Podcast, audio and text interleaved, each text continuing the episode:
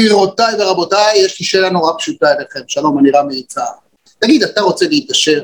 תגיד, אתה רוצה שבחיים את לא תהיה לך שום בעיה כלכלית? את באמת רוצה להיות כזאת? נהדר.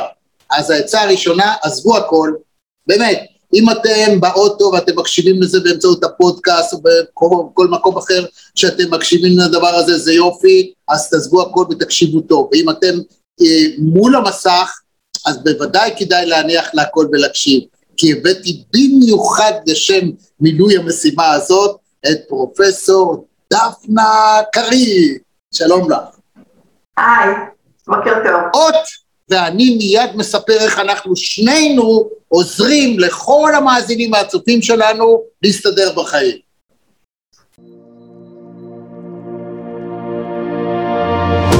גבירותיי ורבותיי מאזינות ומאזינים, אני רמי יצהר, ואני שמח, גאו מאושר לארח היום את גדי לבנה, שמעון שווה שלום.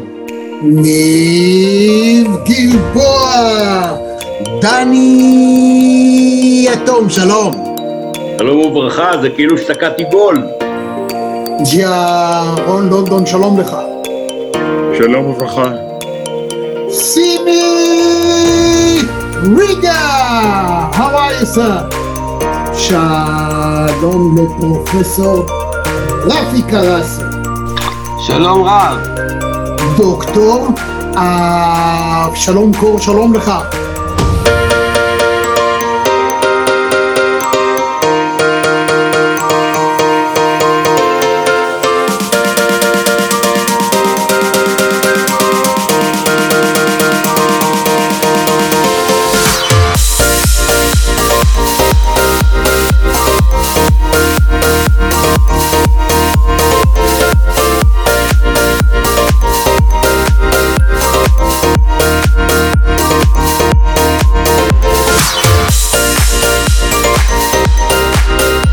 אהלן רמי, אהלן רמי, תקשיב, אני אחוז התרגשות, אני שומע אותך שנים רבות וארוכות בפינות הספורט בבוקר, בגלי צה"ל. אולגה רז, שלום לך. שלום לנחמן שי. עמירם לוין, שלום. שלום, שלום. דוקטור צחי בן ציון. רון לבנטל הגדול, שלום. ביבי ימין, שלום לך. שלמה צורן! יעקב הלפרין, שלום לך. שלום, צהריים טובים. היי זאביק. אבי בניהו, שלום. שלום רמי, מה שלומך? טוב ליונה יהב, חיים רמון, שלום. שלום, זה מימי הספורט? זה מימי הספורט, אני רוצה להגיד לך גם, אלון פינקה, יאיה פינק, שלום. אלדד יניב, שלום רב לך. איוב קרא, שלום לך. שלום רב. ערב טוב לך, ג'ודי, אנחנו בשידור חי, באוויר. ערב טוב, רמי, פעם ראשונה בחיים שלי בזום. אני כל יום, פעמיים ביום קורא את האתר שלך ונהנה מהניתוחים ומהכושר ביטוי והיכולת ניתוח.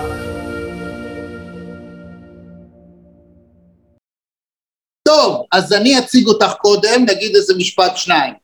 את פרופסור אה, דפנה קריב, מנהלת תוכנית פרויקט הגמר, ראש ועדת המחקר בית הספר אדלסון ליזמות המרכז הבינתחומי הרצליה, סיימת דוקטורט בטכניון, את מרצה נלווית במשך 14 שנים באוניברסיטת מנטריאול בקנדה, קר שם מאוד בחורף, כתבת חמישה ספרים, המון מאמרים, את עובדת עם צוותים בינלאומיים, פתחת בעבר מרכז יזמות, ועכשיו אנחנו חייבים לדעת, קודם כל, לפני שכנס לעומקם של דברים, מהו הטיפוס של יזם? איך את מזהה כשאת רואה מישהו והוא רוצה לשאול את עצמו, אני רוצה להתעשר, איך אני אהיה יזם? מה זה יזם? אה, אז קודם כל תודה שהזמנת אותי בבוקר טוב, זה באמת אה, משמח ומרגש לדבר על יזמות, זה תמיד משהו שפותח לי את הבוקר בוואו כזה. אני מזהה יזמים פחות או יותר כמו שכל אחד רואה, אני יודעת, אדם גבוה, נמוך, יותר גדול, יותר קטן, אני מזהה ככה יזמים, מהברק בעיניים, מהאופן שהם מדברים, מה, ותכף אני אכנס קצת יותר לרזולוציות, יותר נקרא לזה אה, אמוציונליות, קוגניטיביות, אבל אני אומרת אפילו ברמה של הנראות, אתה מסתכל על מישהו, מדבר מהר, רוצה לבלוע את העולם, פותח את העיניים כשהוא מדבר על משהו שהוא רוצה לעשות אותו, ליזום אותו, לתכנן אותו, זה כבר אה, טיפוס יזמי. הרבה פעמים, דרך אגב, כשמדברים על הפרעות קשב וריכוז, ואני לא סתם עושה ככה, הפרעות, אצלנו ביזמות, זה ברכות הקשב והריכוז, כי זה אנשים שאפילו מבחינה קוגניטיבית, הם חושבים מהר מהר מהר על הרבה מאוד דברים, והם מחברים את הדברים ביחד ומייצרים קומבינציות חדשות, שזאת בעצם יזמות. יזמות זה לקחת מפה ומפה ומפה, דברים שלא חשבת עליהם, להכניס אותם ביחד באותה חבילה, להנגיש אותם, ואחר שמסתכל אומר וואו, בחיים לא חשבתי על זה וזה ממש פותר לי בעיה. אז מה בעצם... וואו, רגע, אז עכשיו אנחנו רק, קודם כל אנחנו יודעים מה הסוג של הטיפוס ואתה יכול לזהות את עצמך וגם את אם אתה בן אדם כזה כן או לא, אגב, גם אם לא, אנחנו נלמד אתכם איך להפוך להיות כאלה, להתחיל לחשוב יותר מהר, להתרכז וזה, אנחנו נלמד אתכם את הכל. אבל יש אנשים שה framing שלהם הוא לא לעשות כסף. זאת אומרת, הם, הם נורא יזמים בלבשל, אני יודע, בלנקות את הבית, בלתקן את האוטו, אה, ואין להם בכלל בתודעה, בתודעה את העניין של ליזום משהו גדול, משהו שמשנה עולם, להיות אילן מאסק, לנחות על המאדים, אני יודע, לעשות את האייפון, אנחנו חוגגים עכשיו 14 שנים לאייפון, איש משוגע אחד שנזרק מכל האוניברסיטאות, הלך למוסך, התעקש ושינה את העולם ב-14 שנה, זה לא ייאמן, הוא כבר לא איתנו, אבל הוא גם המציא יורש שעושה דברים עוד יותר גדולים ממנו אפילו. לגמרי צודק, אתה לגמרי לגמרי צודק, ואנחנו עושים הפרדה פה בין אדם יזמי ובין מישהו שהוא יזם. יזמי זה אופי, אה, זאת אומרת, כמו שאתה אומר, אנשים שממציאים כל הזמן דברים ש, שהם מאוד פרואקטיביים. יזמות, דרך אגב, זה לא רק המצאתיות, הרבה מאוד פעמים זה פרואקטיביות וסקרנות. מישהו שמסתקרן, אז הוא מבשל תבשיל חדש לבית, אז הוא באמת, כמו שאמרת, עושה שיטת ניקיון חדשה בבית, שתוך שניות הכל אה, אה, נקי ומסודר. אה, וזה נקרא יוזמות, שזה אחלה וזה נפלא, ולא בהכרח שכל יוזמה תבשיל להיות מיזם. מיזם זה אופרה אחרת לגמרי, הרבה יותר מורכב, ודרך אגב, סליחה, אבל הרבה פחות סקסי. כי יזמות זה כאילו, אה, עשיתי את זה, גם מדליקה את צה"ל, וואו. דרך אגב, יזמות יכולה להיות גם לא רק יזמות של עוגה וניקיון, היא יכולה להיות יזמות שאני כהורה בבית ספר יוזמת משהו לכיתה של הילדים שלי, אני יכולה לעשות משהו קהילתי אה, לקהילה, אה, כן, או כל מיני דברים נוספים, זה יוזמות, ריבוי של יוזמות שזה דבר מקסים, מבורך, נותן פלפל, נותן טעם, כיף. מיזם זה אומר לקחת את כל הצרור הזה, ועכשיו להתחיל לסדר אותו, ולהתחיל לראות מה עושים איתו, כדי שאתה ואני וכל אחד אחר נבין שהיוזמה שיש למישהו בראש, אה, אה, אה, סיב ג'ובס או, כן, או מרק צוקרברג או, או אילן מאסק או כל אחד אחר, כדי שנבין מה הם בכלל נותנים, חוץ מאשר זה שיש להם רעיונות נחמדים בראש ואולי מאוד מאוד חדשניים ופורצי דרך. במיזם אתה צריך להתחיל לסדר את זה, אתה צריך להתחיל לתכנן, צריך להתחיל לנהל, צריך לחפש את אותם אנשים שיגידו וואו, זה ממש לא טריוויאלי. נניח שמצאתי, אני יודעת מה, קורס, ואני מצליחה להכניס לקורס Machine Learning. אז כשדפנה קריב או רמי יצהר נוגעים בקורס, הקורס אומר, אה, הנה, זה הם נוגעים, הם אוהבים את זה בטמפרטורה הזאת ואחרת. נפלא, הנה, Machine Learning פנטסטי, או AI, כל אחד שיגע יעשו לו את הטמפרטורה, עכשיו בואו נחפש את מי שזה יעניין אותו. יכול להיות שאוכלוסייה מסוימת בגילאים מסוימים לא תתעניין, יכול להיות שאנשים, אזורים מסוימים לא יתעניינו, וזה רק התחלה, קצה הקצה של מהו בעצם מיזם. אז אני אומרת, בואו נתייחס ליוזמות כמשהו מקסים בפני עצמו, וכשעוברים למיזם, אז אנחנו מתחילים, ואני מאוד... אבל בואי ניקח את זה, את יודעת, בואי ניקח את שלושת הכי גדולים בעולם בעשורים האחרונים. אז יש הבדל בין בזוס מאמזון לסטיב ג'ובס אה, מאפל, ולאילן מאסק. כן. למה? כי אילן מאסק, אה, הוא לא המציא את המאדים, אבל אמר אני אהיה על המאדים, ומה שעשו על הירח אני אעשה על המאדים. בזוס אמר, אני לא אמכור לכם מוצרים שלא קיימים, אבל אני אביא לכם אותה בדרך אחרת. סטיב ג'ובס אמר, אני אחליט מה אתם תרצו, והוא הביא את זה לדרגת אלוהות מסוימת שהיא בלתי נתפסת. הוא אמר, אתם לא מבינים בכלל, הרי הוא פוטר מהחברה שהוא הקים, אמרו לו, אתה לא יודע על מה אתה מדבר, העיפו אותו, ואז הכל קרס, התחננו, פה חזרה, פה, פה סטיבנה שלנו, סדר לנו את העניינים מההתחלה, והנה עכשיו אנחנו עם הדבר הזה ששינה את חיינו. זאת אומרת, יש סוגים של יזמות, יש סוגים של בני אדם, ואני חושב שהיזמות קיימת אצל כל בן אדם באשר הוא. אם הוא ממציא דבר קטן אצלו במטבח או בארון, איך הוא מקצר עניין, איך הוא מתלבש, איך הוא לוקח מה שאת לקחת עכשיו, שמלה קצרה עם צעיף אדום, והדבר המדהים הזה, והפכת אותו עם האודם האדום, הפכת אותו למשהו שהוא מייצר נראות, שהוא לא פרופסור, את לא נראית כמו פרופסור באוניברסיטה, אבל את כן, כן, את נראית יותר אחד כזה עכשיו בבוקר, בואי נשתה קפה באיזה מקום. והנה את כן, כאילו זה משהו נהדר, כאילו השילוב הזה, הוא יכול לייצר לצופה שלנו, למאזין שלנו, את הדרייב. אז בואי נדבר על זה. כן, אז אני אגיד לך, זה נכון מה שאתה אומר, ואני רוצה להתייחס לכמה נכונים שאתה אומר פה ולסדר אותם.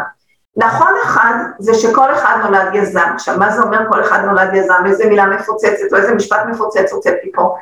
כשמסתכלים על ילדים קטנים, על תינוקות, רמת היזמות שלהם היא, היא בשיאה, כלומר הם מאוד אה, אסוציאטיביים, הם, רוצ, מאוד סקרנים, הם רוצים לדעת כל דבר, הם עושים כל מיני דברים, כל מיני דברים מסוכנים, כי אין להם נכון, לא נכון, מסוכן, לא מסוכן.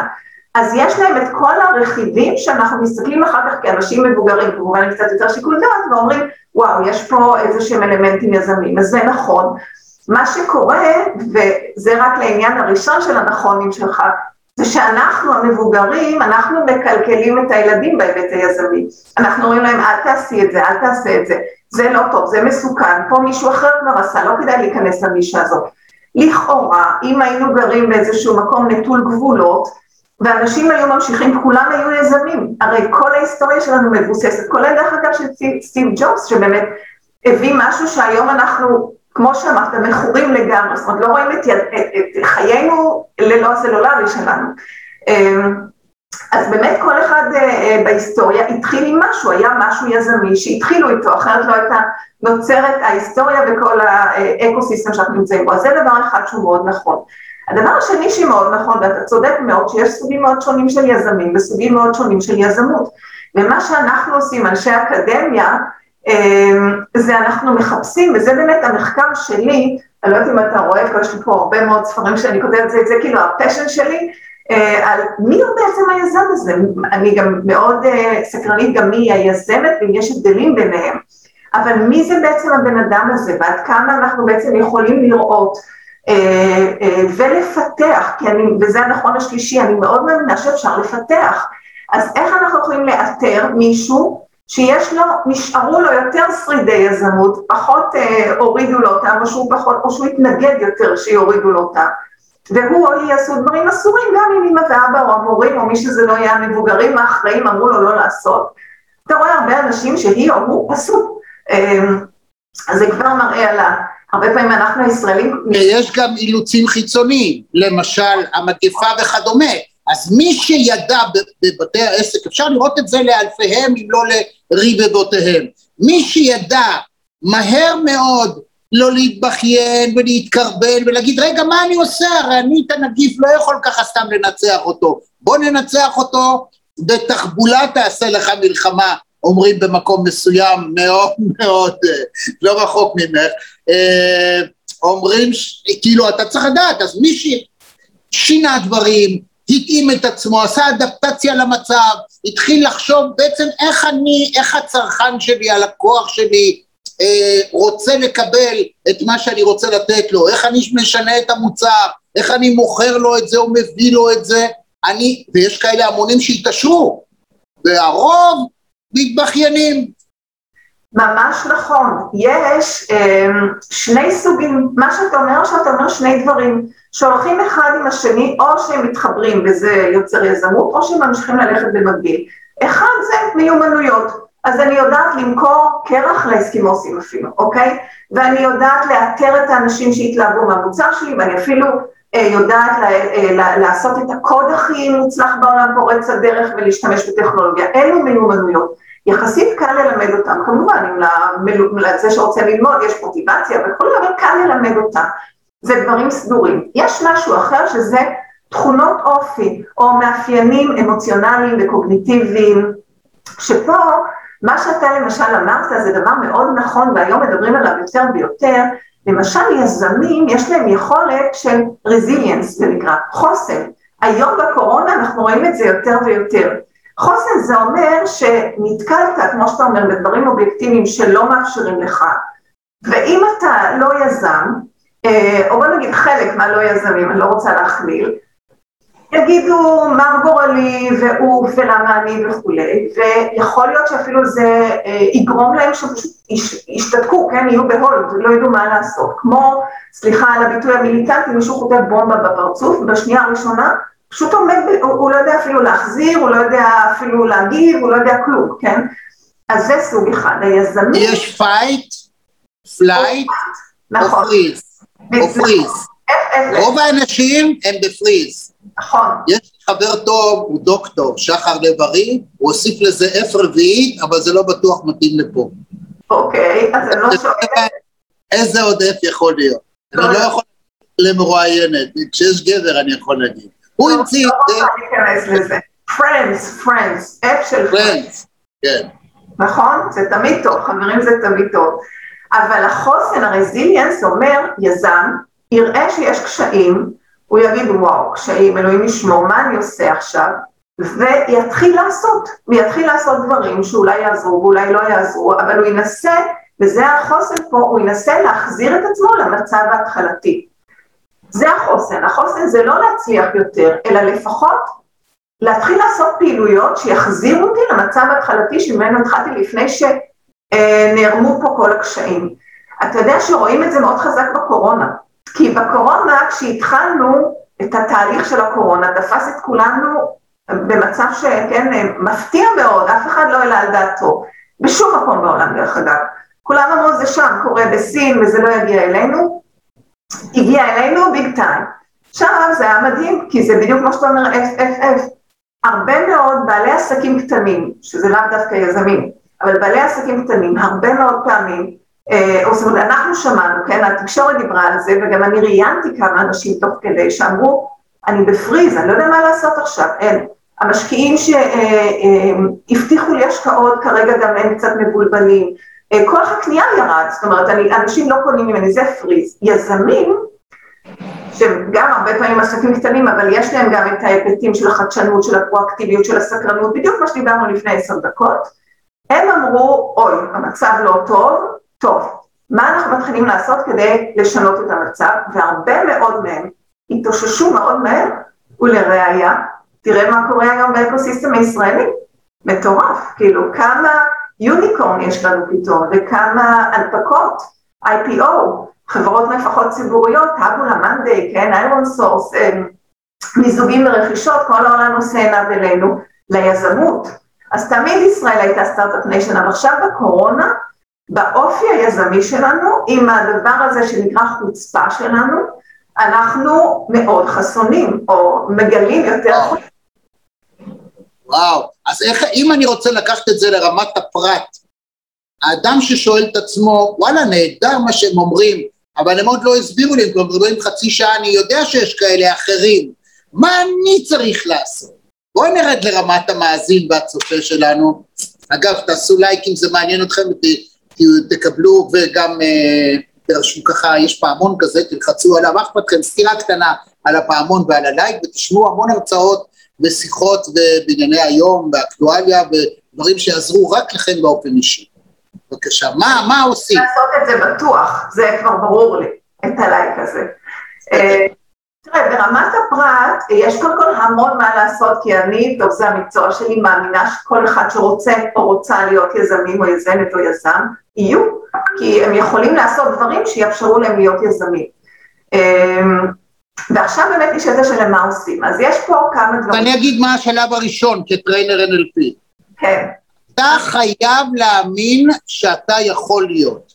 נכון. אם אתה תגיד, הם מדברים פה גבוה גבוה, איזה פרופסור ואיזה trainer NLP, עיתונאי, אני לא יכול להיות כמוהם, אז תשכחו מזה, תעשו לי טובה, לכו מפה, אני לא רוצה אותך.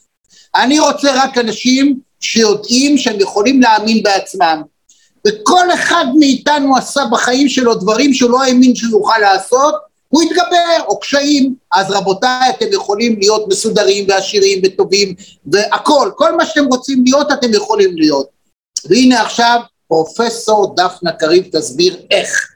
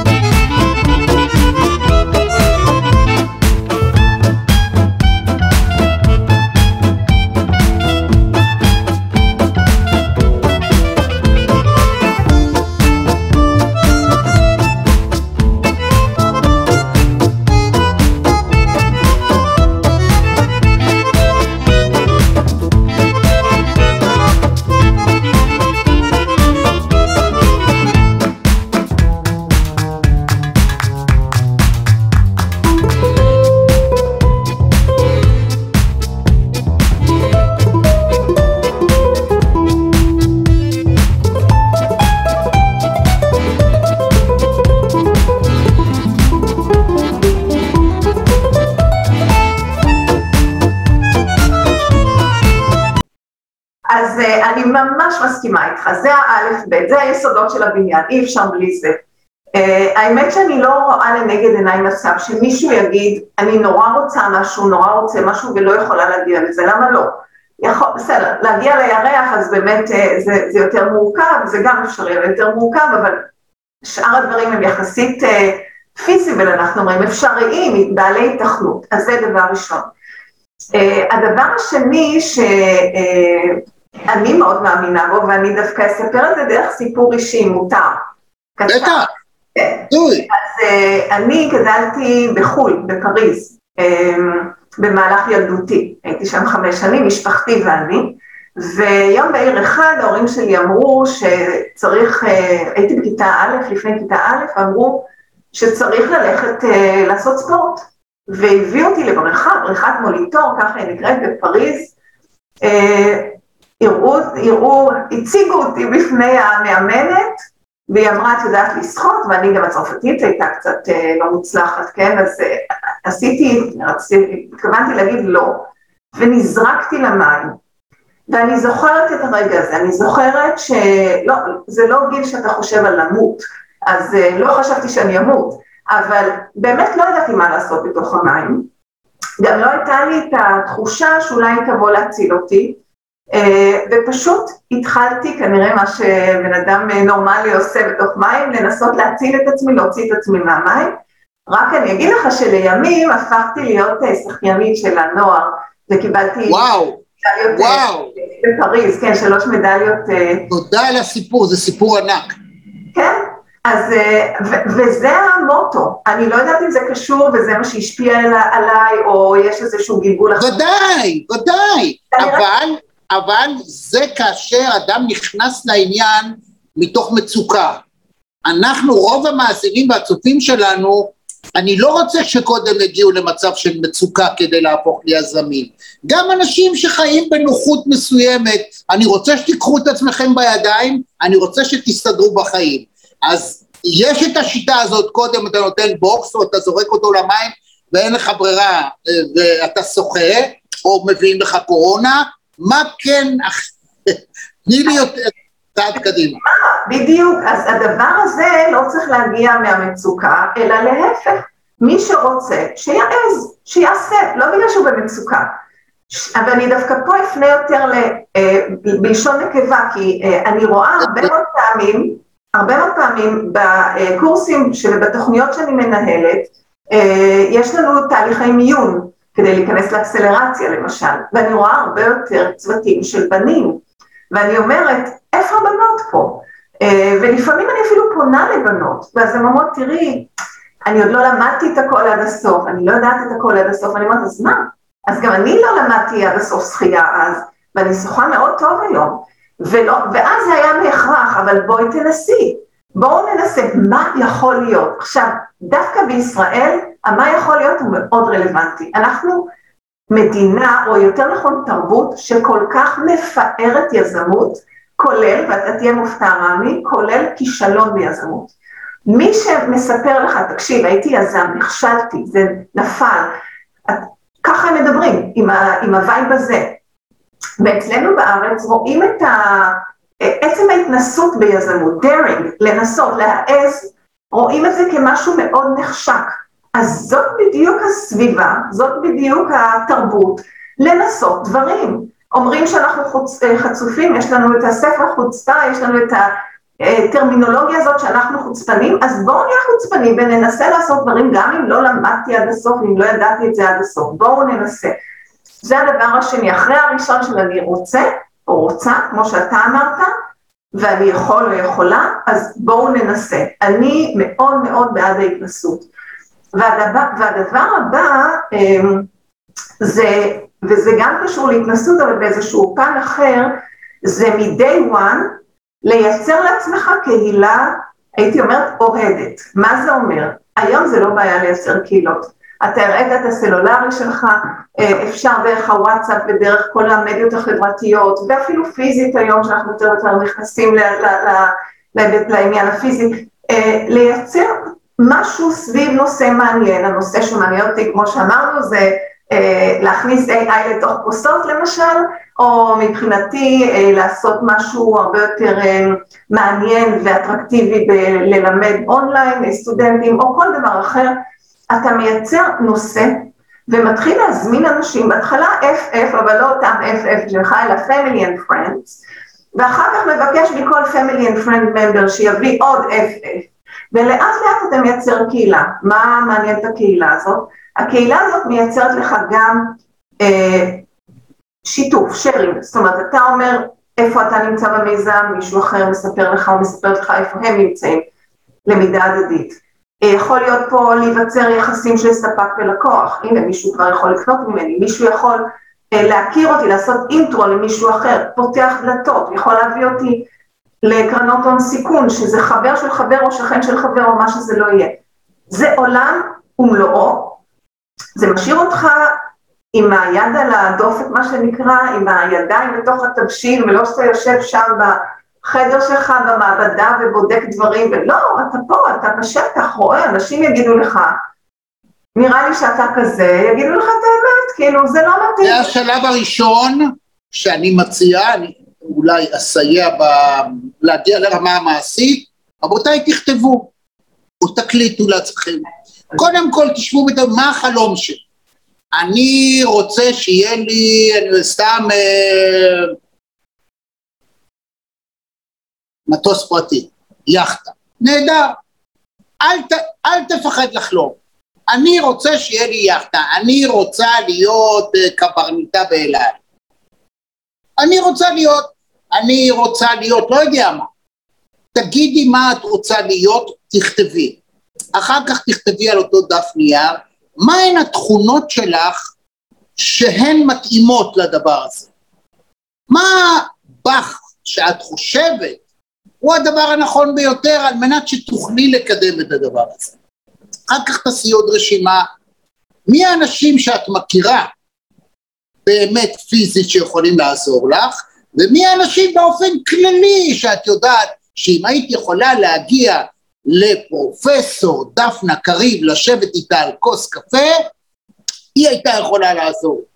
עכשיו, גם אם את יודעת על קיומו של, קיומה של פרופסור קריב, את לא יודעת איך להגיע אליה. אז תהיה אמיצה, מה זה יזמות? אני מברר איפה פרופסור קריב שותה קפה. ואני כאילו במקרה הגעתי במזנון של הבינתחומי, ושתיתי קפה, וראיתי אותה, או שלום, ראיתי אותך, שמעתי לך, תגידי, אכפת לך לתת לי חמש דקות מזמנך, אני רוצה לשאול אותך? עכשיו תראו אותה. היא לא תענה לכם. תאמינו לי, כל אדם בעולם, אם תדעו איך לפתח את הגישה, איך לגשת אליו, הוא יעזור לכם, ב-NLP אנחנו קוראים לזה מודולינג. המודולינג יאפשר לכם לפגוש את האנשים, לתת את מה שאתם הכי טובים בו, ולקבל מאחרים את מה שהם הכי טובים, לעשות יחד את החיבור. ממשיכים. אתה יודע שזה מעניין, אה, מה שאתה אומר עכשיו, לעשות את הרשימה של הדברים הכי חזקים שלך. מצאנו משהו מאוד מעניין אצל יזמים. אה, אני שותפה עכשיו במספר מחקרים בינלאומיים שקשורים לקורונה, מה קרה ליזמים ולמיזמים בזמן הקורונה. אחד המחקרים הוא מחקר של הג'ם, Global Entrepreneurship Monitor, מי שעומד אה, בראשו זה מישהו משוויץ, ואנחנו משתפים פעולה. ומה אנחנו רואים שם ואיך זה מתקשר למה שאתה אומר? אנחנו רואים שכששואלים את היזמים, אני חוזרת זה מכל העולם, זאת אומרת לא מכל העולם, זה 32 מדינות, זה לא רע, ייצוג נחמד. אה, אז שואלים שם אנשים, אה, את היזמים, תגידו, זמן הקורונה אתם אה, מרגישים שיש פחות הזדמנויות? כן, יש פחות כסף, יש פחות משקיעים, יש פחות, יותר, כן, אי ודאות, ברור. שואלים אותם, תגידו, אתם, עכשיו יש יותר fear from failure, זה נקרא פחד יותר מכישלון, אומרים, ברור. אוקיי, אז אתם פחות תעבדו על המיזם? לא. למה? מה זה קשור? עכשיו, מה אני רוצה להגיד פה? משהו מאוד מעניין ביזמות, יש עולם, יש מכשולים, יש דברים שקורים, הוא קיים, זה לא שהיזם אומר לו הוא לא קיים, לא מבחינתי המצב מדהים ועכשיו הקורונה רק בוורוד ובכוכבים ונוצצים, לא, המצב לא טוב, ברור, יש הרבה מאוד דברים שהיינו צריכים לעשות שם פיבוט והיינו צריכים שם לשנות או לוותר או לשמוט אותם או דברים כאלו, זה המצב האובייקטיבי. אבל יש עוד דבר נוסף, וזה מתחבר למה שאתה אמרת. יזמים מסתכלים אה, על הצד הקיים אצלם, ולא על הצד החסר אצלם, שיש לזה גם חסרונות כמובן, אבל לצורך השיחה בינינו יש לזה הרבה יתרונות.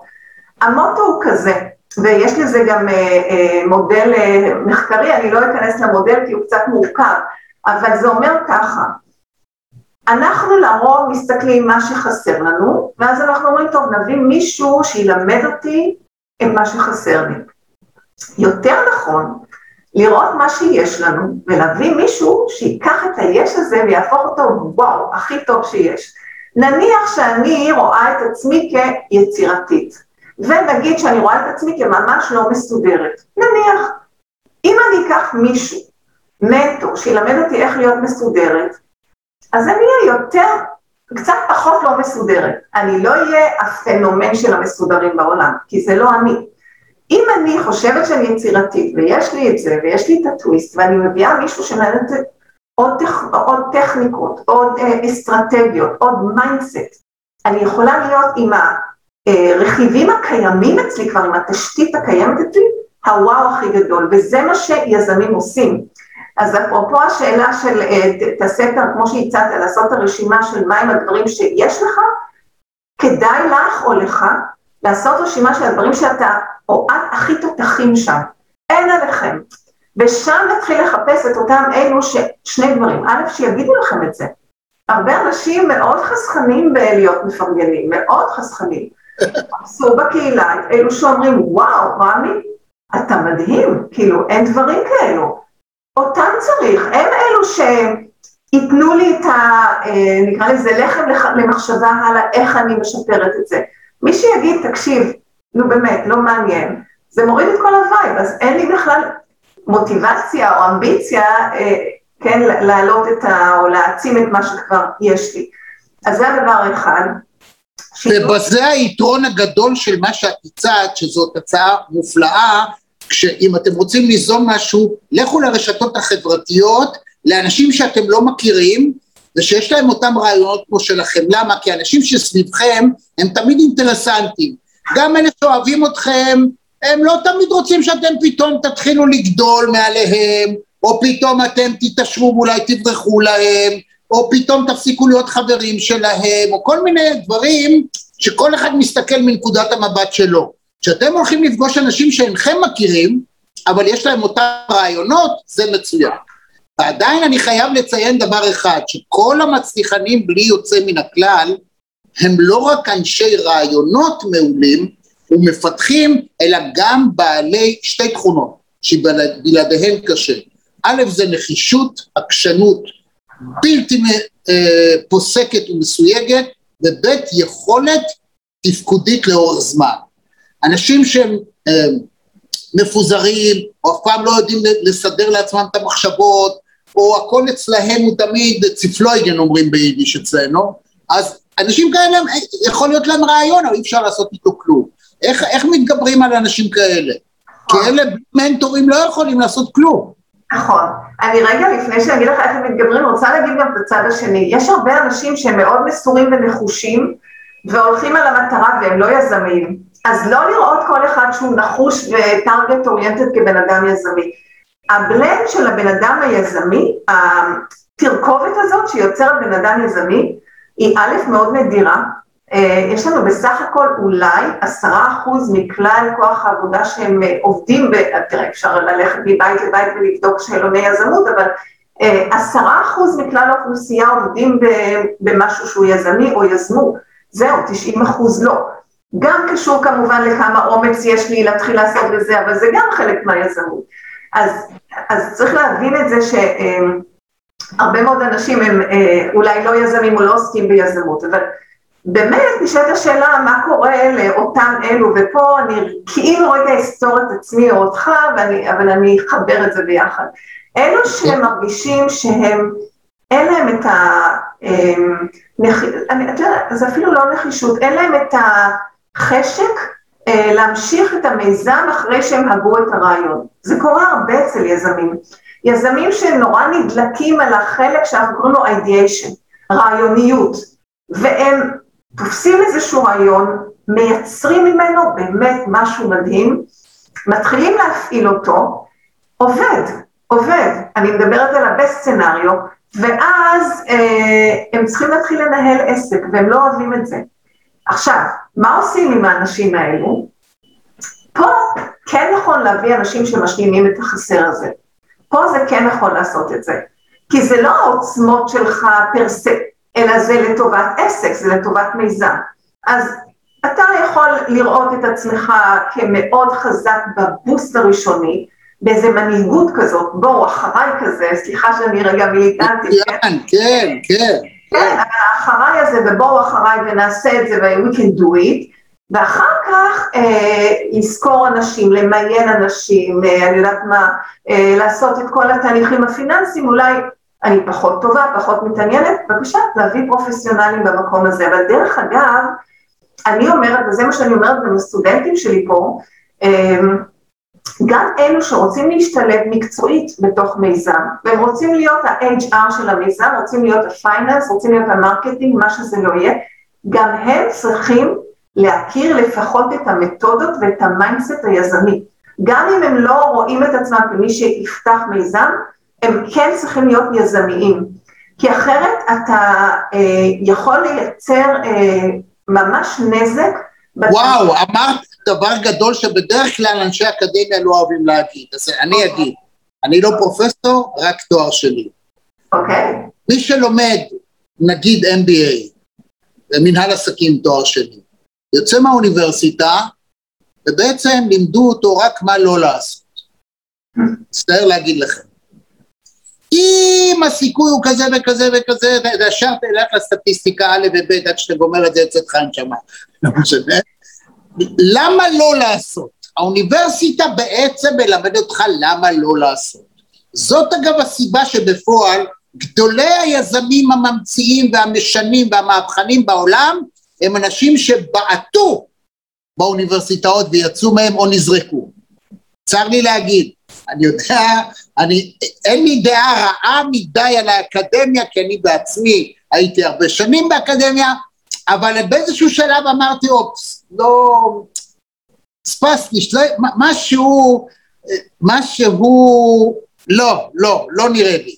אה, לכן אני אומר, ש... לא, אני לא חלילה פוסל, בזה אני מאוד אני מחשיב את הלימוד וכדומה, אבל כאילו למה לא לעשות, הרבה אנשים שיבואו, אה, אני יודע, דיברת על התחום נגיד הפיננסי, או התחום השיווקי וכדומה, הוא צריך להסתכל לא על הפיר, על הצחק של הפחד, מה יקרה על, על הדבר, forward, קדימה, אני רוצה להגיע, לחתור ל ולא לחשוש מ, שזה הדבר החשוב ביותר, אני חושב.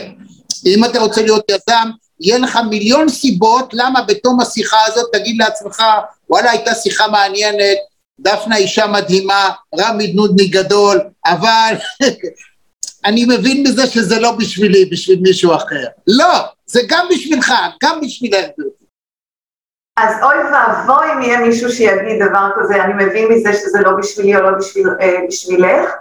אה, זה ממש לא, כי אני חושבת שכל מי שרוצה, ואני שוב מתחילה מהיסודות, זה כן בשבילו, ואין מישהו שלא יצליח אם הוא, היא או, היא, או הוא רוצים. אז זה דבר אחד. לגבי המוסדות להשכלה גבוהה, אה, אני מסכימה ולא מסכימה.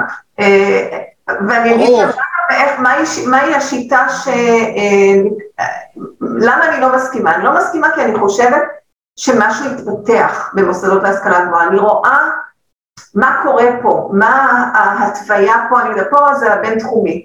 בית ספר ליזמות של... הוא יוצא דופן. אגב, אני באמת אומר, ואני מקווה מאוד שאתם באמת יכירו בכם כאוניברסיטה, כי אני חושב שהבינתחומי הוא א', המוסד באמת הכי טוב במדינת ישראל בפקולטות מסוימות, באמת, באמת, באמת, ודבר שני, באמת החשיבה היא אחרת, כי היוזמה היא בסוף עסקית, פרטית, של אנשים שבאו עם הרבה כסף ועשו דבר של יש מאין, וזה באמת כל הכבוד, זה מנותק מפוליטיקה, ויש את כל הסיבות הכי טובות בעולם למה ללכת לבית תחומי חוץ מהמחיר, מי שלא יכול להרשות לעצמו, זה הכי יקר בארץ. אז אני אגיד לך, אז נכון, אני, אני לגמרי מסכימה שהבינתחומי הוא באמת נותן אה, לונה פארק, לונה פארק, אבל וואחד לונה פארק, כלומר קשה, תובעני, לא מוותרים פה לאף אחד בכלום, למורת רוחם של חלק מהסטודנטים שאומרים, יו, זה כזה כיף בזה, למה צריך פה גם ציון ולמה צריך לעמוד על הדקויות. אבל זה מחזיר אותנו לנושא של, וזה, לכן אני לא מסכימה, כי בחלק גדול מהמוסדות להשכלה גבוהה, שאני מכירה, יש לי קולגות שם, כן נכנסים למה שדיברנו מלכתחילה, לעשייה, בנושא של יזמות, יש מרכזי יזמות, יש אה, אקסלרטורים ויש אה, כל מיני אה, תוכניות שהן תוכניות שמאפשרות פשוט להתנסות. וזה הדבר שהוא לא הלא שלימדו אותך בשני התארים, אלא הוא מראה גם את הלא, איפה אתה לא טוב, אבל גם את הכן. מה מדליק אותך או אותך, מה מגניב, כמו שהסטודנטים אומרים, מה, מה גורם לי להיות אובססיבית? זה תמיד אני אומרת, כשאני מסתכלת על סטודנטים ושואלים אותי, זה רעיון טוב או לא טוב, אני שואלת את שאלת ההוק, הוק זה כאילו מה תפס אותך, כן, כמו ו', אז אני אומרת, אה, תגידי, או תגיד, כמה זמן ככה, על אם אתה או את מעריכים, כמה זמן אתה חושב על המיזם הזה? אז יש כאלה שאומרים, תראי, לפני שהגעתי אלייך וזה, אז בדקתי, חשבתי, זה סוג אחד, אחלה, בסדר גמור, זה אלו היותר נקרא לזה המנהלים, האלו שרוצים להרשים, אולי אלו שהם טובים בפיצ'רים כאלו, שיודעים לעשות פיץ' טוב, אז הם באו מוכנים לזה. ויש כאלו, לא תמיד הכי ססגוניים בעולם, שאומרים, יו, לא נעים לי להגיד לך, אני כל הזמן חושבת על זה, אני חולם על זה בלילות, זה אלו, זה אלו, כן, יכול להיות שהם לא ידעו להגיד את הרעיון הזה מספיק טוב, והם יצטרכו באמת ללמוד מיומנויות, איך עושים פיץ'. אה, כן. קרה לי לא פעם רעיונות מדהימים שהגיעו אנשים, רעיונות מדהימים ודיברו איתי ככה, ו... כי הם לא יודעים לדבר את זה, אבל הם יודעים את כל התשובות לכל השאלות, לאו דווקא תשובות נכונות, אבל זה אומר שהם כל הזמן גלגלי המוח, חושבים על זה. זה, האנשים האלו מגניבים אותי. אז קודם כל אני אוסיף, אני לא רוצה שיישמע כאן או יובן כאן שיש לי משהו נגד האקדמיה, ההפך הוא הנכון. נכון שהייתי עורך של יתוש, שזה אה, עיתון הסטודנטים של אוניברסיטת תל אביב, וכולם פחדו ממני, כן, כי עשיתי ציונים למרצים, הייתי הראשון ש... היה מדרג מרצים, אז הם נורא השתדלו אגב, ובדיעבד תמיד אמרו לי, רבי, אני השתפרתי בזכותך. מה, מה, כן, אני בפקולטה לזה, אבל אני ידעתי שאתם מדרגים, יש לך צוות וזה, ונורא השתדלתי ולא באתי כבשגרה לשיעור, תמיד חשבתי אולי פה... אה, זהו, אז זה, זה כן טוב. אז אני מאוד מאוד בעד ללמוד, וכל מי שמזלזל בלימודים עושה את שטות חייו. אני רק אומר שצריך לדעת, אה, וזה ברור שמערכות חינוך עושות סוציאליזציה, זה דהיינו תהליך של חברות של כולנו, איך להשתלב בחברה, וכל אחד חושב על עבודה טובה, על משכורת טובה ויזמות, זה, זה צעד אחד מעבר לזה. זאת אומרת, באמת לפרוץ דרך, להיות פורץ דרך. ואני מאוד מאוד בעד, ואני מאוד בעד הבינתחומי, בפעם ראשונה ששמעתי שאת בבינתחומי אמרתי וואו, אני מת לראיין אנשים, עוד לא פגשתי אדם מהבינתחומי שדיברתי אותו, ראיינתי אותו, שלא היה משהו, שלא היה וואו, ואת בהחלט כזאת, ואת גם באופייך נראית לי מנטורית ברמה האישית, את, את, עוזרת לאנשים או לנשים באישי?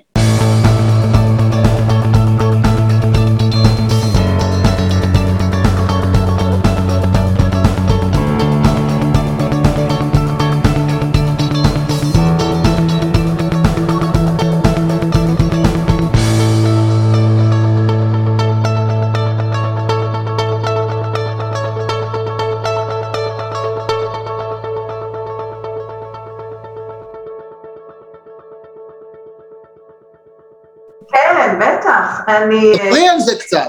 כן, אז uh, אני עוזרת הרבה, דרך אגב, גם פורמלית וגם לא פורמלית. אני רגע אדבר על הפורמלית. פורמלית, אני עובדת uh, עם uh, הרבה מאוד uh, גופים uh, בעולם. מדהים, מדליק אותי, או מגניב אותי, כמו שהסטודנטים אומרים, גם להתייחס לפערים תרבותיים.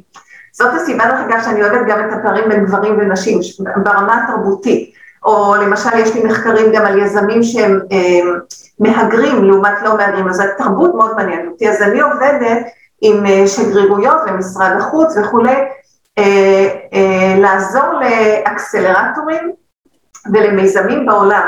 יצא לי לעבוד עם כמה שגרירים וקונסולים, דרכם, זאת אומרת הגעתי למיזמים, זה מרתק ברמות, זה פשוט מרתק ברמות. לפני יומיים עזרתי, או כן, אני מינטרתי, לא יודעת לקרוא לזה, קבוצה של אה, אנשים ממרכז ודרום אמריקה, ומעניין שמי שעשה את החיבור זה סטודנט לשעבר שלי, עמרי לבבי, שיש לו היום חברה מדהימה. בכלל, יש לי הרבה סטודנטים שיש להם חברות כבר, פייבוקס, התחיל עם אה, פייבוקס, פייבוקס. רגע. פייבוקס, מה ממש... לא נכון. מה, את מדהימה.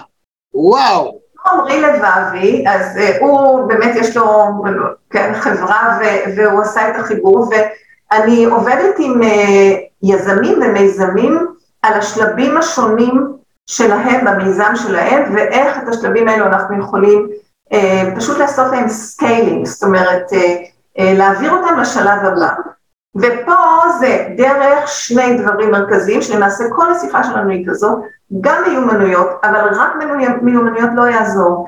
אז זה גם החלק הנוסף שאמרתי לך, הקהילה, ה-yes you can, אה, אבל לא סתם yes you can כי אני רוצה להיות נחמדה yes you can. אני מבררת עם הבן אדם, איפה המיומנויות החזקות שלו, איפה התכונות החזקות שלו. בדיוק כמו שאתה אמרת על הרשימה, מה הוא צריך, מה היא לא צריכה, מה כן, איך אפשר להגיע לדברים. מאוד מאוד חשוב לעבוד על הפרמטרים האלו, ודרך אגב... תספר לך מה אנחנו עושים ב-NLP, מה אני עושה בתור trainer. מה? אני לוקח איתם, כן. ואני עושה איתו יזמות, נגיד אם זה תחום של יזמות, אז אני אעשה איתו משהו קטן, למשל. בוא ניזום, מה אתה חושב? אני אצלי בבית, בבניין, הוא צריך להיות יותר יפה. נהדר. מה אנחנו צריכים לעשות כדי שהבניין אצלך יהיה יותר יפה? בוא נדבר, תעשה לי את הרשימה, ועד, צבע, תקציב, סביבה, אישור של העירייה, תעשה רשימה. בוא נעשה את זה. וככה אני עובד עם אנשים ומגיעים לתוצאות מדהימות. כי כשאדם מקבל את הביטחון מדבר הכי קטן, לפעמים זה סתם לעשות סככה בבית או להחליף אוטו, משהו קטן. ופתאום יש לו את העוגן על מה להתבסס ולהגיד וואו, אם את זה עשיתי ולא האמנתי שאני יכול וזה שנים מעצבן אותי ולא קרה, והצלחנו לעשות, הלאה, מה השלב הבא. עכשיו, sky is the limit. זאת אומרת, אני חושב אגב שבתחום שלך של היזמות, חיבור עם מומחי NLP מאוד יכולים לעזור לקדם אנשים. ממש, ממש ממש. אה, אני רוצה להגיד לך שהרבה פעמים יזמים שואלים אותי ברוח מה שאתה אומר, כדאי להתחיל עם משהו קטן ואז לגדול, או להתחיל בבום ואז אה, להמשיך הלאה. ואני אומרת, אין פה תשובה. אה, בוא תלך על ה-passion, על. איפה התשוקה? ולא נסתכל עכשיו אם זה גדל או קטן או גדול, כי מבחינתך או מבחינתך, מה שכרגע תעשי או תעשה, זה יהיה ענק. ואחר כך ההיסטוריה, החברים, האקוסיסטם יגידו וואי זה היה גדול או קטן. אני לא בטוחה, לפחות לפי הספר שקראתי, גם של סטיב ג'ובס, גם של uh, מרק צוקרברג, שהיה ברור להם שהם הולכים על הדבר הגדול הבא, שבאמת שניהם, לא משנה אם יש לנו ביקורות או לא, שינו את העולם. זאת אומרת, ברור, יש לנו חברים וירטואליים בפייסבוק, מי היה מאמין, וברצינות, זה היה נשמע כמו משהו הזוי לגמרי, שלא לדבר על ה addiction שלנו, על הסלולרי, כבר דיברנו על זה. אז אה, כל מה שתעשו או תעשי או תעשה, באותו רגע, once הצעד קרה, וזה המוטו שלי, ה scaling, צעד אחד קטן. Uh, ברגע שעושים את הצעד הקטן הזה, וואי, פתח עוד דלת, פתח עוד דלת, בואו נראה מה אפשר לעשות. כשעוד דבר שאני כן uh, uh, מדגישה אותו, וזה אולי מתחבר קצת לצד שאתה פחות אהבת באקדמיה, זה להפגיש את הצוותים היזמיים גם עם הכישלונות הפוטנציאליים. כלומר, אני מהבחינה הזאת לא אימא'לה כזאת שאם אני רואה שמישהו הולך שם ליפול לבור, אני אגיד לו, אה, לא לעשות את זה, אתה תיפול לבור, ממש לא. אה, אני שם, זאת אומרת, once הצוות נפל לבור, אני שם כדי לה, כן, להגיד, בוא נראה איך אפשר לצאת מזה, הכל בסדר, לא קרה כלום, זה לא חיים ומה. הכל בגלל הבריכה היא, הכל בגלל הבריכה היא בפריז. יכול להיות, וואי, עכשיו... אה, איזה שאלה. NLPיסטים תמיד מנתחים את זה, זה הדרך שלנו לנתח דברים, ודאי. אבל אגב, הגדולה, של, הגדולה שלכם, ששיטת העבודה שלכם בצוותים, ועם טובי המומחים, ורק המרצים הטובים ביותר, ואני רוצה להגיד לך, דפנה, אם את, אם את שם, אז כאילו, את מיד, מבחינתי, כאילו בטופ הישראלי, אין ספק, לוקחים את המרצים הטובים ביותר, את הראשים הכי טובים, זה קשה, אבל עובדים בצוותים בשיטות שהן לא דומות לאקדמיה שלנו. זה לא, לא רק אתה צריך לקרוא ספר וזהו, זה פער עצום בין ללמוד בכל אוניברסיטה אחרת לעומת הבינתחומי, ואני חייב להגיד את זה. אז אני מגן על... זה לא שזה, כן, אין לי, כן, זה בא ממך. נכון, אני מאמין בזה. ואני אגיד לך עוד משהו שאני גם מאוד מאמינה בו, ובאמת, לכן אני גם מיישמת אותו פה עם כל, ה, כל הצוות המדהים שיש פה. אמ, הסטודנט, הצוות של הסטודנטים הוא נפגש עם כמה, נקרא לזה דמויות מהאקוסיסטם. קודם כל הוא כמובן נפגש עם הצוות האקדמי-אקדמי, שאנחנו פה, אנשי מחקר, אנחנו יודעים להגיד לא מעט דברים שהם גם דברי מחקר והם חשובים, אין מה לעשות, זה הבסיס וזה כן. היסוד. כן. מעבר לזה, במהלך, למשל, תוכנית הגמר הזאת, או למשל קפסטון פרוגרם שלנו, אמ, כל ה, בכל השנה יש להם מנטור או מנטורית, אחד שהולך איתם, או הולכת איתם, והם נותנים להם גם את ה, כמובן את הפן של פתיחת דלתות וכולי, אבל גם את הפן שדיברנו עליו עכשיו, של ה- yes you can do it, והטיפול, טיפלי, קרה, הכל בסדר, עולים, נופל וקם, נופל וקם, נכון? זה השיר. ומעבר לזה, יש להם עוד שני דברים נורא חשובים. אחד, כל בערך חודש, חודש וחצי, הם מופיעים בפני פורום ענק של אנשים סופר סופר חשובים, וקלטת נכון, מהאקוסיסטם. מתחילים, עושים להם פיצ'ים, מקבלים את הביקורת שלהם, את המשובים שלהם, הכל מוקלט, הם יכולים לראות את זה אחר כך שוב. הם מתנסים במה זה לדבר מול מי שיכול להיות המשקיע שלך, או יכול להיות הפרטנר שלך. אז זה דבר אחד. והדבר השני, יש להם משהו מגניב שנקרא speed dating.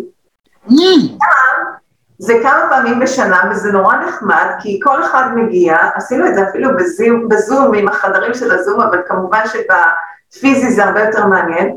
אתה מבין את השורה הראשונה של, ה, של האקוסיסטם, של היזמים שהם עצמם יזמים, את המשקיעים, יועצים ליזמות, אה, באמת, אולי צריך גם להתחיל להביא אנשי NLP.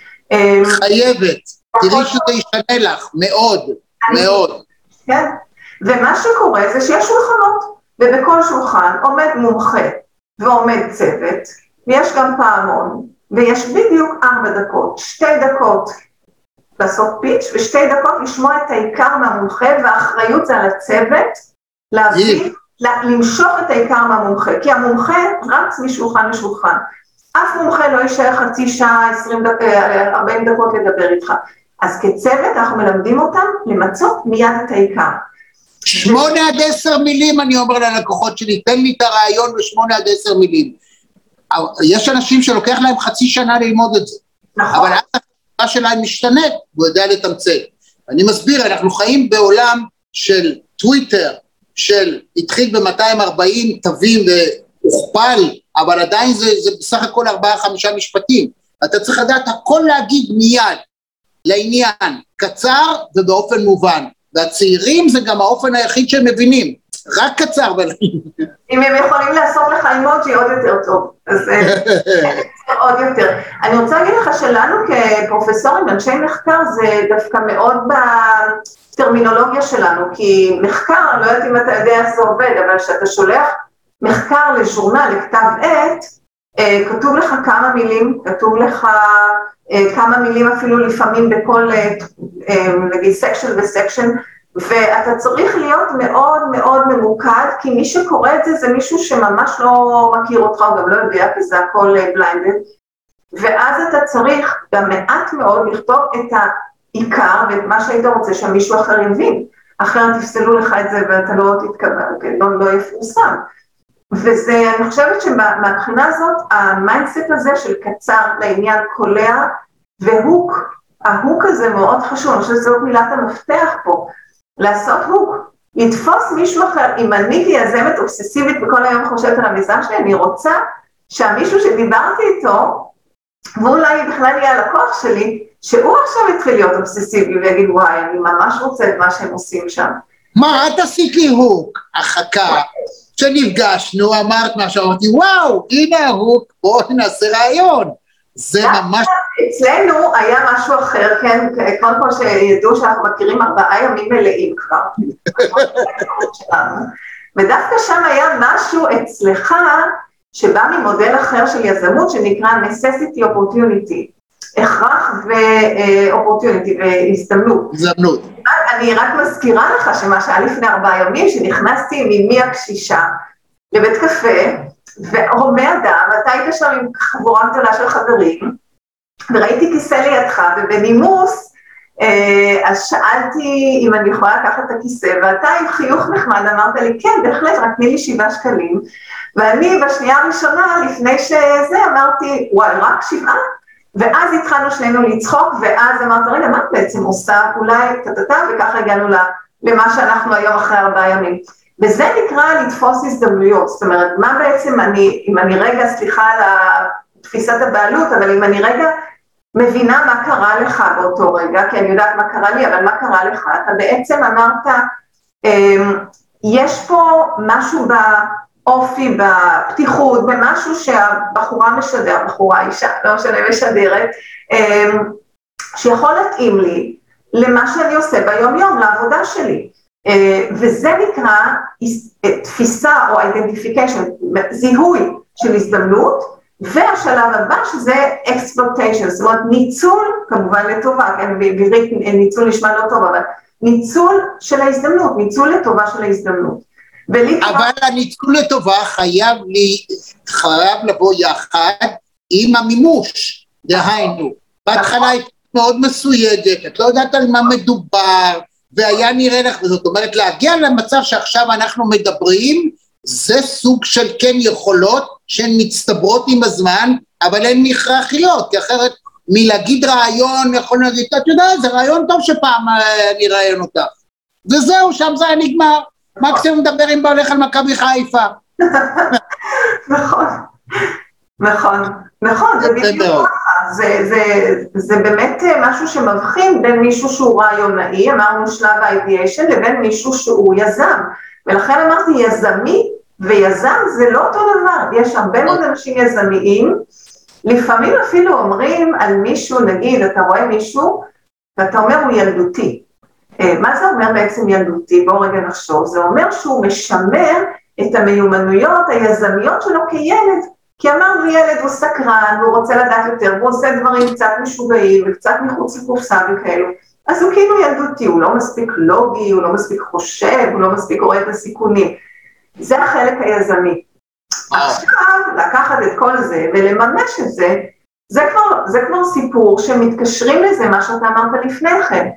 מסירות ונחישות וחתירה למצוינות, ואל תשכח, ולא דיברנו על זה, שביזמות אין רגע דל אחד, אין דבר כזה, אין רגע, אפילו לא אצל סטיב ג'ובס ואצל אה, ז"ל ואצל אה, מרק צוקרברג שייבדל לחיים וכל החברים האחרים, וכל האנשים המקסימים שעכשיו הם נעשו IPO, כן, Monday, Taboola, ironSource וכולי, אין להם רגע שהם יכולים לשבת רגל על רגל ולהגיד, סיימנו את עבודתנו, זהו, אנחנו המנצחים. כי מחר בבוקר, לכל המאוחר, יגיע המתחרה הבא שלהם, והוא יהיה צעיר יותר, אג'ילי יותר, אה, מוכן יותר לפשרות.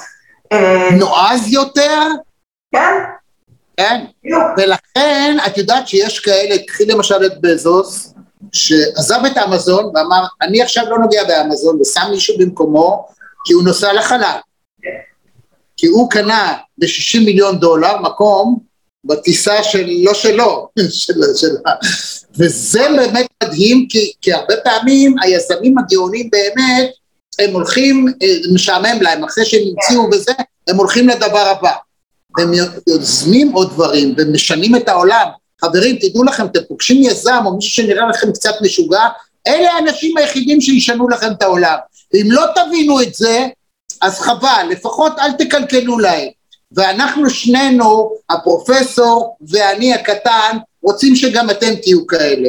קחו את, את, את המרחב המחיה הפרטי הקטן שלכם, תהפכו אותו למרכז יזמות, ולאט לאט אתם תלכו לדברים נוספים. אל תתביישו.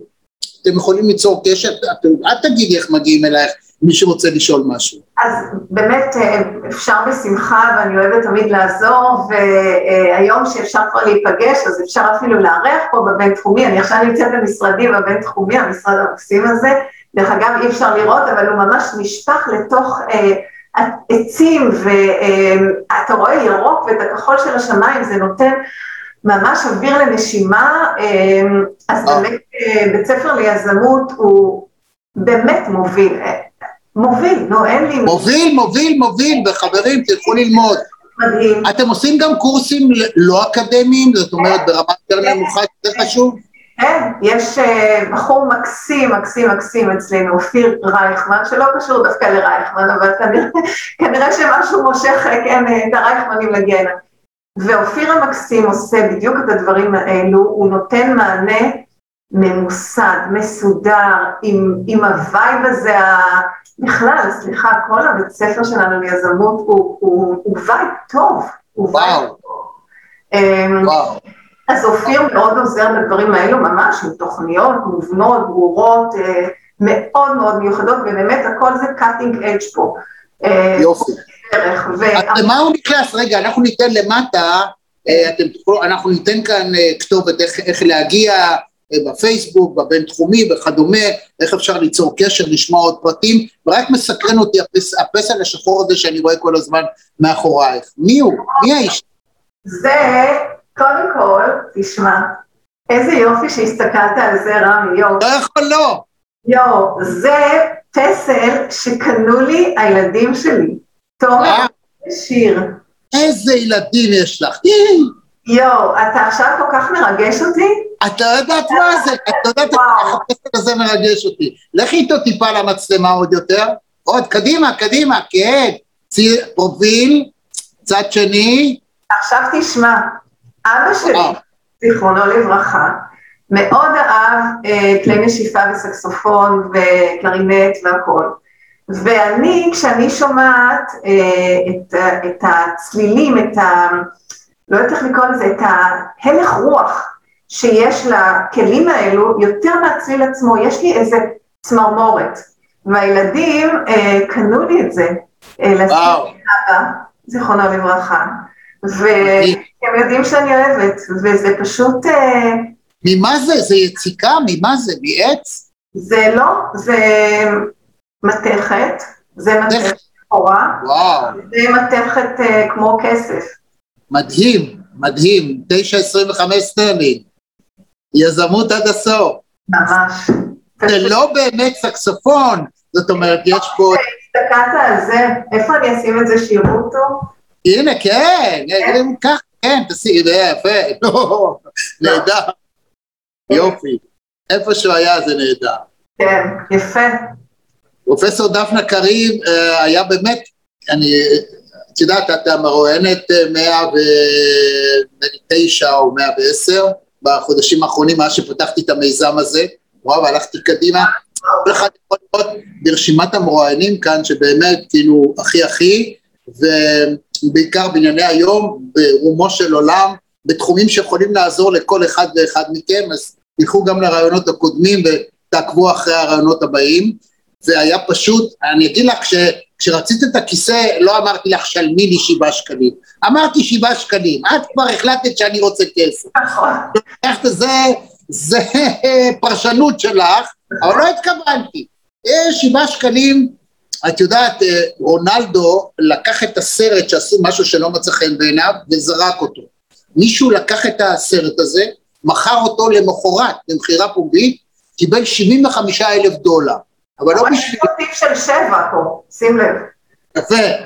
אבל הוא מיד תרם את הכסף, הוא לא לקח את הכסף בשבילו. אני עושה קרן של איסוף שבעה שקלים לאנשים שרוצים ממני כיסאות. ובסוף נחליט ביזמות מה אנחנו עושים לטובת היוניברס. זה דרך אגב משהו שנדבר על זה בהזדמנות אחרת, נקרא יזמות חברתית. שזה גם יזמות, למרות שהיא... אנחנו נעשה עוד פרק. אנחנו נעשה סדרת שיחות מהסוג הזה, נראה את התגובות, איך זה עובד, אם אנשים יתעניינו, ואפילו נאפשר לאנשים לשאול שאלות. בשמחה. יהיה מרתק. אנחנו יכולים, לה- אם אנחנו יכולים לעזור לאנשים, אנחנו עוזרים.